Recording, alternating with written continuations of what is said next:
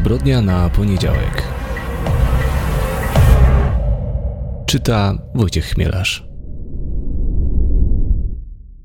Dzień dobry, tutaj Wojtek Chmielarz i chciałem bardzo serdecznie Państwa zaprosić do wysłuchania kolejnego odcinka podcastu Zbrodnia na poniedziałek. Podcastu, w którym opowiadam Państwu o różnych sprawach kryminalnych z całego świata i dzisiaj wybierzemy się na Markizy. Markizy, czyli archipelag wysp na Oceanie Spokojnym, gdzie doszło do dosyć głośnej w swoim czasie i ciekawej zbrodni. Ciekawej pod tym względem, że tam ciągle są pewne pytania, które pozostały bez odpowiedzi. Ale o tym Państwu wszystko za chwilę opowiem. Ale zanim do tego e, przejdziemy, e, dwie sprawy. Czyli tradycyjnie mój apel do Państwa o zainteresowanie się, wsparcie dla e, Stowarzyszenia e, Fundacji Pogoń Ruska. E, stowarzyszenie, fundacja właściwie już w tej chwili, jeśli dobrze pamiętam, jeśli te wszystkie dokumenty sądowe zostały złożone. Co notabene powinienem wiedzieć, bo jestem w radzie tej fundacji. Ale dobra, e, Pogoń Ruska Fundacja, która zajmuje się pomocą e, Ukrainie i Ukraińcom. Zainteresujcie się Państwo, jeśli możecie, wspomóżcie ich. Tutaj naprawdę 5-10 zł robi e, różnicę. Można zerknąć na ich stronę na Facebooku, na Instagramie, zobaczyć co oni tam robią, a robią naprawdę kawał dobrej roboty, więc Fundacja Stowarzyszenie Pogoń Ruska naprawdę apeluje o wsparcie. Ja wiem, że jest, teraz to nagrywam 9 października, a więc e, świeżo po e, ataku e, Hamasu na, na Izrael. Jesteśmy też pod koniec kampanii wyborczej. Ja wiem, że po prostu mamy głowę zajętą innymi rzeczami, ale pamiętajmy ciągle o Ukrainie. Tam ciągle trwa wojna i ciągle pogoń ruska Ukrainie i Ukraińcom pomaga. A teraz przechodząc do drugiego, drugiej części tego stałego punktu tego podcastu, czyli kącika literackiego. No to e, opowiem Państwu o e, trzech książkach. Trzech książkach aż. Z jednej strony chciałbym powiedzieć o książkach Marty Kisiel. E, I teraz tak, próbuję, zawiesiłem się trochę przy jej nazwisku, nie dlatego, że nazwisko zapomniałem, natomiast mówiąc absolutnie szczerze, zapomniałem trochę tytułów książek, które przeczytałem. Musiałem to sobie sprawdzić, a chodzi o dwie jej komedie kryminalne, czyli e, nagle trup i zawsze e, coś. No i co mogę powiedzieć? Komedia kryminalna to nie do końca jest mój gatunek, szczególnie komedia kryminalna, e, którą uprawia Marta Kisiel, która jest oparta, nie wiem, na takich troszeczkę przesadzonych, przerysowanych charakterach, na takiej bardzo charakterystycznej frazie, też przesadzonej i przerysowanej, gdzie cała fabuła jest wzięta w taki bardzo mocny nawias. Niemniej, pomimo tego, że to nie jest moje, tak, znaczy ja czuję, że po prostu do mnie nie przemawia, ale nie dlatego, że z tymi książkami, z tymi opowieściami coś jest nie tak, e, ale dlatego, że no mi to nie do końca pasuje. E, to nie jest moja konwencja. E, po prostu doceniam, e, doceniam te książki. One są fajnie napisane, są fajnie wymyślone, fajnie poprowadzone i z tymi wszystkimi zastrzeżeniami, które przed chwilą powiedziałem, muszę powiedzieć, że się dobrze przy nich bawiłem. Byłem zainteresowany, kto tam kogo zabił i dlaczego, jak to zostanie rozwiązane i co pani Marta Kisiel wymyśli. Szczególnie, że nagle, nagle trup dzieje się w branży wydawniczej, no i było fajnie zobaczyć, e, jak pani Marta tą branżę wydawniczą, której przecież jestem częścią, mm, e, widzi ze swojego punktu widzenia, jak to potem przekształca w fabułę e, komedii kryminalnej. Więc jeśli szukacie państwu, państwo na jesień czegoś takiego lżejszego do pośmiania się, do odpoczynku, do wyczyszczenia głowy, to Martę, Martę Kisiel i te dwie książki polecam, bo są po prostu fajne. Natomiast jest jeszcze ta trzecia książka, o której chciałem Państwu opowiedzieć. No i teraz przechodzimy do e, sektora, sekcji auto o promocji, ponieważ chcę Państwu powiedzieć o swojej książce. E, książka Zwykła Przyzwoitość, trzecia część cyklu z bezimiennym, która ma premierę 11 października, e, czyli w środę. No i teraz tak, ja nie lubię, ciężko mi się opowiada o swoich własnych książkach, nie lubię tego robić, bo nie wiem, potrzebuję tych 500 tysięcy znaków, żeby napisać jakąś historię i mm, e, i skracanie tego potem mi nie wychodzi. Natomiast co tutaj napisaliśmy na okładce? Na okładce napisaliśmy, kiedy bezimienny wraca do domu na warszawskich Włochach, w którym wynajmuje pokój, spotyka tam dwóch bandziorów. Mężczyźni grożą panu Henrykowi, do, właścicielowi domu, więc bezimienny staje w jego obronie. Ale kiedy w wyniku kolejnego zastraszania starszy mężczyzna trafia do szpitala, bohater uznaje, że miarka się przebrała. I w ten sposób wkracza w sam środek wielkiej afery związanej z rynkiem nieruchomości, nielegalnym przyjmowaniem mieszkań i niebotycznymi chwilówkami branymi na nieświadomych niczego ludzi. Przeciwko sobie ma bezwzględnych gangsterów, którzy zrobią wszystko, żeby dopiąć swego ale jeszcze groźniejsi są ci, którzy stoją w ich cieniu. No, mam nadzieję, że trochę e, Państwa ten e, opis zachęcił. Co ja mogę powiedzieć o zwykłej przyzwoitości? No, to jest po prostu, mam nadzieję, solidna, dobra powieść sensacyjna, też taka rozrywkowa, która ma y, no, wyczyścić umysł, dać odpoczynek. Niektórzy twierdzą, że e, jeśli chodzi o ten cykl z bezimiennym, to ta trzecia część, zwykła przyzwoitość, jest najlepsza z tego, co do tej pory napisałem. Więc e, co mogę powiedzieć? Zachęcam po prostu do tego, żeby się tą książką zainteresować. Jak Państwo będziecie w księgarni, to przejrzyjcie, e, zerknijcie i może Państwa po prostu ta książka zainteresuje. A jeszcze dodam e, też w ramach tej autopromocji, że może pierwsza część tego cyklu, czyli Prosta Sprawa, jest właśnie ekranizowana w roli głównej Mateusz Damięcki. Będzie, będzie kawał dobrego serialu, który notabene reżyseruje Cyprian e, Olencki, czyli reżyser Furiozy, więc naprawdę kawał dobrego serialu sensacyjnego nam się szykuje.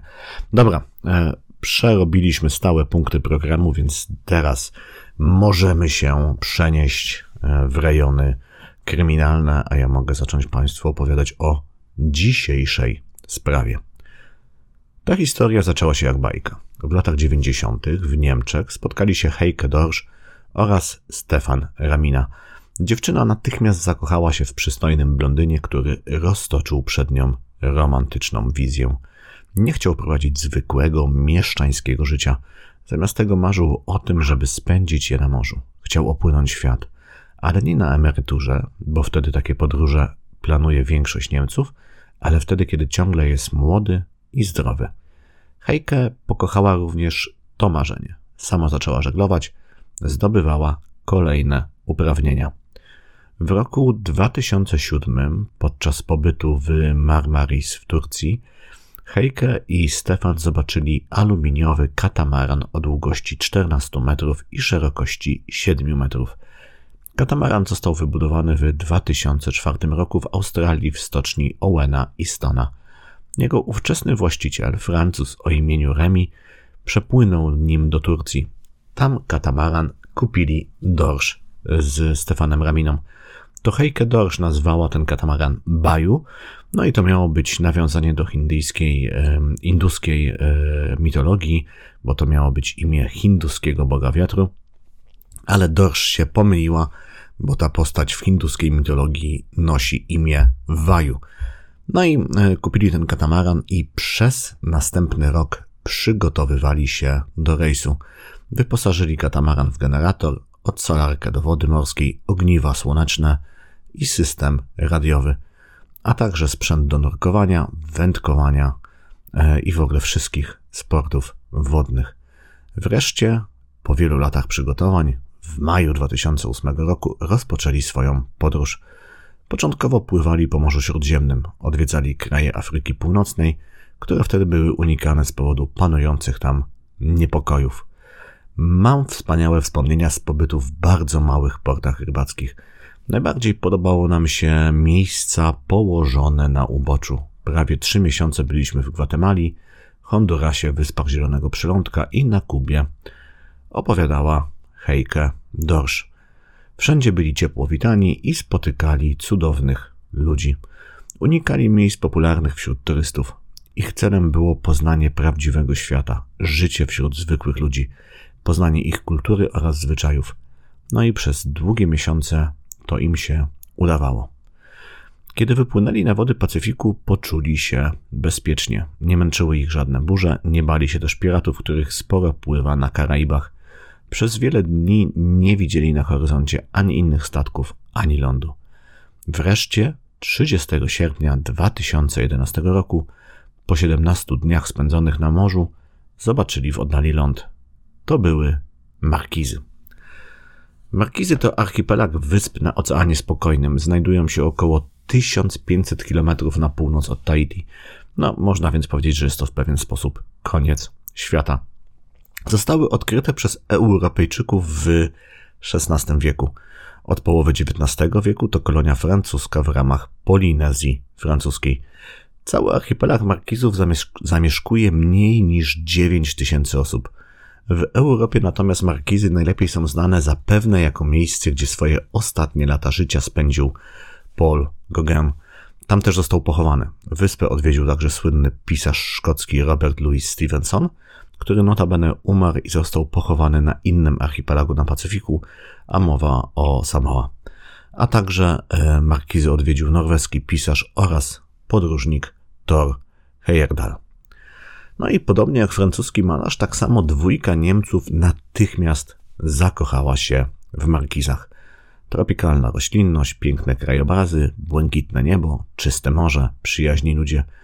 Do tego markizy są co prawda popularnym miejscem wśród pływających po Pacyfiku żeglarzy, ale też trzeba powiedzieć, że tych żeglarzy nie ma zbyt wielu. Dlatego e, wyspy nie są wielką atrakcją turystyczną. Nie ma tam żadnych ogromnych e, ośrodków czasowych. Pod wieloma względami to jest miejsce, które nie zostało zepsute przez współczesny przemysł podróżniczy. Heike Dorsch i Stefan Ramina mieli poczucie, że trafili do raju. Na zdjęciach z tego okresu oboje z bujnymi blond włosami, opaleni, ogorzali od słońca i morskiego wiatru, wyglądają po prostu na naprawdę szczęśliwych. Na markizach spędzili sześć tygodni, dwa razy więcej, dwa razy dłużej niż planowali. Dwa dni przed planowanym opuszczeniem wyspy popłynęli na wyspę Nukuhiwa. Zacumowali w zatoczce w bezludnej okolicy. Zeszli na ląd i dotarli do wioski Hakaui. Tam spotkali samotnego mężczyznę z koniem. Mężczyzna nazywał się Arihano Haiti. Miał 31 lat. Był postawnym, dobrze zbudowanym, przystojnym mężczyzną. Wyglądał trochę jak stereotyp wojownika z wysp Pacyfiku. Para prawdopodobnie nawiązała jakąś interakcję z Haitimi, bo kiedy spotkali się następnego dnia, Ramin zapytał mężczyznę, czy ten zabierze go na polowanie na kozę. Haitimi się zgodził. Polowanie na kozy to taka tradycyjna aktywność na markizach. Ramin już kilka razy próbował wziąć w nim udział, ale za każdym razem coś stawało mu na drodze. A to się nie pojawił e, przewodnik, a to broń nie wypaliła, no coś tam zawsze było nie tak, no i e, tego marzenia e, nie spełnił.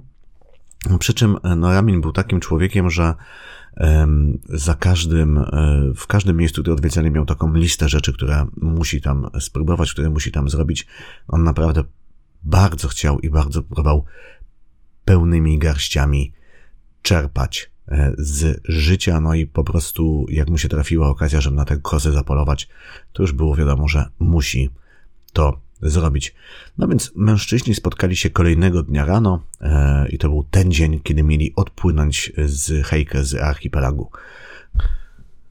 E, no i Heike Dorsz wyraźnie pamiętasz, że Ramin zapytał Haitiego, czy powinien zabrać swoją broń z łodzi. Mężczyzna odpowiedział mu, że nie będzie to potrzebne. Później obaj wyruszyli na polowanie. No i to wtedy Heike Dorsch widziała swojego ukochanego po raz ostatni. Wkrótce zniknął z plecakiem w soczystej zieleni pacyficznego lasu. Po kilku godzinach, w okolicach godziny szóstej po południu, z lasu wyłonił się sam Haiti i zaczął wołać Heike Dorsch. Chciał z nią porozmawiać, ale tutaj napotkali problem. Haiti mówił tylko po francusku i znał zaledwie kilka słów po angielsku. Dorsz natomiast nie znała francuskiego. Ostatecznie jednak mężczyźnie udało się przekazać najważniejszą wiadomość. Brzmiała ona ranny, wypadek, las. Przerażona Dorsz natychmiast popłynęła na brzeg i razem z Arihano ruszyli w głąb lądu. Wędrowali przez kilkadziesiąt minut, ale nigdzie nie było rannego Stefana. Heike zaczęła się dopytywać, gdzie jest Stefan, ale Arihano powiedział, że nie pamięta, gdzie go zostawił. No i wtedy Dorsz wybuchnęła z gniewem i ze strachu. Zaczęła krzyczeć na Haitiego, nazwała go idiotą i pobiegła prosto przed siebie szukając ukochanego. Arihano dogonił ją po kilku minutach. I wtedy właśnie zaatakował. Był silniejszy, uzbrojony w strzelbę i maczetę. Hejke właściwie nie miała żadnych szans. Arihano powalił ją, napastował seksualnie, a następnie związał. Potem jakby stracił pewność siebie. Nie wiedział, jak się ma zachować. Odchodził, żeby po kilku minutach powrócić. Groził Hejkę Dorsz maczetą i poił ją wodą. Ona próbowała przemówić do jego sumienia, przekonać go, że on przecież wcale nie jest złym człowiekiem, że nie musi jej zabijać, ale Arihano zdawał się jej zupełnie nie słuchać, jakby był w pewien sposób w innym miejscu. No i w pewnym momencie, kiedy Haiti zniknął po raz kolejny, kobiecie udało się uwolnić z więzów. Pobiegła w stronę zatoki. Arihano rzucił się za nią w pogoń. Kobieta była pewna, że nie da rady, że mężczyzna ją dogoni i że wtedy ją zamorduje. Ale jakimś cudem dotarła do zatoki, rzuciła się do oceanu e, i zaczęła płynąć. No i w zatoce tamtego dnia oprócz baju znajdowała się jeszcze jedna łódka, no i kobieta skierowała się właśnie do niej, a skierowała się właśnie do niej dlatego, że obawiała się, że Arihano popłynie za nią na baju, no i chciała być na łódce, gdzie będą jacyś inni ludzie. Ta łódka jednak, ten jak był jednak dalej niż jej się wydawało. Szybko traciła siły, do tego krwawiła z ran, które zadał jej Haiti, no i bała się, że to przyciągnie rekiny. Ale udało się jej. Niemal w ostatniej chwili została zauważona przez właścicieli drugiego jachtu i wciągnięta na pokład. Właściciele zawiadomili żandarmerię przez telefon satelitarny, Funkcjonariusze pojawili się w zatoce po dwóch godzinach. Natychmiast rozpoczęli poszukiwania i Haitego, i Stefana. Jednak dopiero po trzech dniach udało im się odnaleźć w środku lasu resztki dużego ogniska, a w nim znajdowały się spalone ludzkie szczątki. To był Stefan. Haitiego jednak nigdzie nie było. Sprawą zainteresowały się światowe media i nie było w tym nic dziwnego. Mamy tutaj taki zestaw informacji, które no, zwracają uwagę każdego czytelnika, każdego odbiorcy mediów, bo są markizy, czyli taki egzotyczny, mało znany zakątek świata, tajemniczą zbrodnię, dwoje podróżujących dookoła świata Europejczyków, ale był jeszcze jeden aspekt, który został wciągnięty na czołówki, a był nim kanibalizm. Stefan miał być nie tylko zabity, ale także zjedzony przez Haitiego. No i teraz tak, faktycznie mieszkańcy Wysp Pacyfiku, w tym także Markizów, praktykowali w przeszłości kanibalizm. Najczęściej w celach rytualnych, chociaż istnieje teoria, że robiono to także po prostu w celu zdobycia pożywienia. Znaczy, to wyglądało tak, że to miało ten aspekt rytualny, było jakoś właśnie zrytualizowane, natomiast najważniejsze było to, że chodziło o zdobycie pożywienia. Szczególnie, że e, te wyspy, tak mi się wydaje, były e, przeludnione. Niemniej e, kanibalizm został porzucony ponad 100 lat wcześniej, a właściwie sprzed 100 lat teraz już ponad 100 lat pochodzą jakieś ostatnie doniesienia. Pytanie na ile prawdziwe o przypadkach kanibalizmu na, na, na tych wyspach Pacyfiku. No i e, natomiast ten aspekt kanibalizmu w tej sprawie no, po prostu się pojawiał w każdym artykule, który pojawiał się e, na temat tej sprawy. E, Haitiego nazywano wprost kanibalem. E, to było wyciągnięte w e, nagłówkach. E, natomiast francuska prokuratura, bo to Francuzi prowadzili śledztwo w tej sprawie, wydała stanowcze oświadczenie, że wątek kanibalizmu w ogóle nie pojawia się w dochodzeniu, no i prokuratorzy, prokuratorzy żandarmii po prostu nie mieli pojęcia, skąd się ten wątek wziął. Zaprotestowali też sami mieszkańcy archipelagu, którzy oskarżyli dziennikarzy relacjonujących sprawę o rasizm i powielanie fałszywych stereotypów. Natomiast no, faktycznie mleko się wylało i ten, ta informacja o tym kanibalizmie i że ta zbrodnia miała jakiś tam podtekst e, właśnie taki naprawdę e, mocno, e, mocno i długo, długo żyła. Myślę, że niektórzy ludzie, którzy pamiętają o tej sprawie, no to pamiętają właśnie z tego powodu. Natomiast raz jeszcze tutaj podkreślę, tutaj tego wątku kanibalizmu w ogóle, w ogóle nie było. Haiti tak zabił Stefana, natomiast nie próbował go zjeść. Ok, ale wracamy do tej sprawy. Co się dzieje? Znaleziono Stefana, natomiast nigdzie nie ma Haitiego. Żandarmi sprowadzeni, chyba nawet tam francuscy żołnierze, nie potrafili go znaleźć. Haiti ukrywał się gdzieś na wyspie i raz za razem wymykał się poszukującym go funkcjonariuszom. No i dosyć szybko stało się jasne, że musi dostawać pomoc. Mieszkańcy wyspy dostarczali mu jedzenie, a czasami zapewniali także schronienie. Sam Haiti stał się w pewien sposób bohaterem ludowym. Opowiadano sobie niewiarygodne historie, jak udało mu się przechytrzyć stróżów prawa. Według jednej z nich e, został prawie złapany w pewnym momencie, ale wskoczył do rzeki, wsadził sobie trzcinkę do ust, nie? I tak jak po prostu w kreskówkach oddychając przez tą trzcinkę, przepłynął obok szukających go e, żandarmów. No, ale ostatecznie po 50 dniach ukrywania się w lesie Haiti sam oddał się w ręce żandarmów. Opowiadał, że był zmęczony ciągłą ucieczką i nie chciał tak żyć. Tajemnicą pozostawała jednak kwestia motywu. Arihano Haiti pochodził ze znanej i szanowanej na wyspie rodziny, natomiast sam przeżył w życiu kilka rozczarowań. Miał podobno żal do rodziców, że nie pozwolili mu zaciągnąć się do armii, o czym marzył. No bo marzył o tym, bo podobnie jak o tym marzy zresztą wielu młodych ludzi, wielu młodych mężczyzn markizów, bo tam panuje bardzo wysokie bezrobocie. Armia jest więc jedną z niewielu dróg, żeby uciec z archipelagu i zarobić na godne życie. No i miał taki żal, że nie pozwolono mu tego zrobić. Niedawno rozstał się z dziewczyną. Ta dziewczyna miała być miłością jego życia. On pojechał z nią nawet na Tahiti, gdzie ona pracowała jako pielęgniarka, ale ten związek nie wyszedł. Musiał wrócić do rodzinnego domu i znowu jako 31-latek zamieszkać z rodzicami. Niemniej, e, ludzie, którzy go znali, przedstawiali go wyłącznie w dobrym świetle. Mm, on, tak jak mówiłem na początku, on był takim masywnym, e, wysportowanym mężczyzną, dobrze zbudowanym, ale równocześnie był bardzo spokojny i łagodny, nie miał żadnych skłonności do przemocy.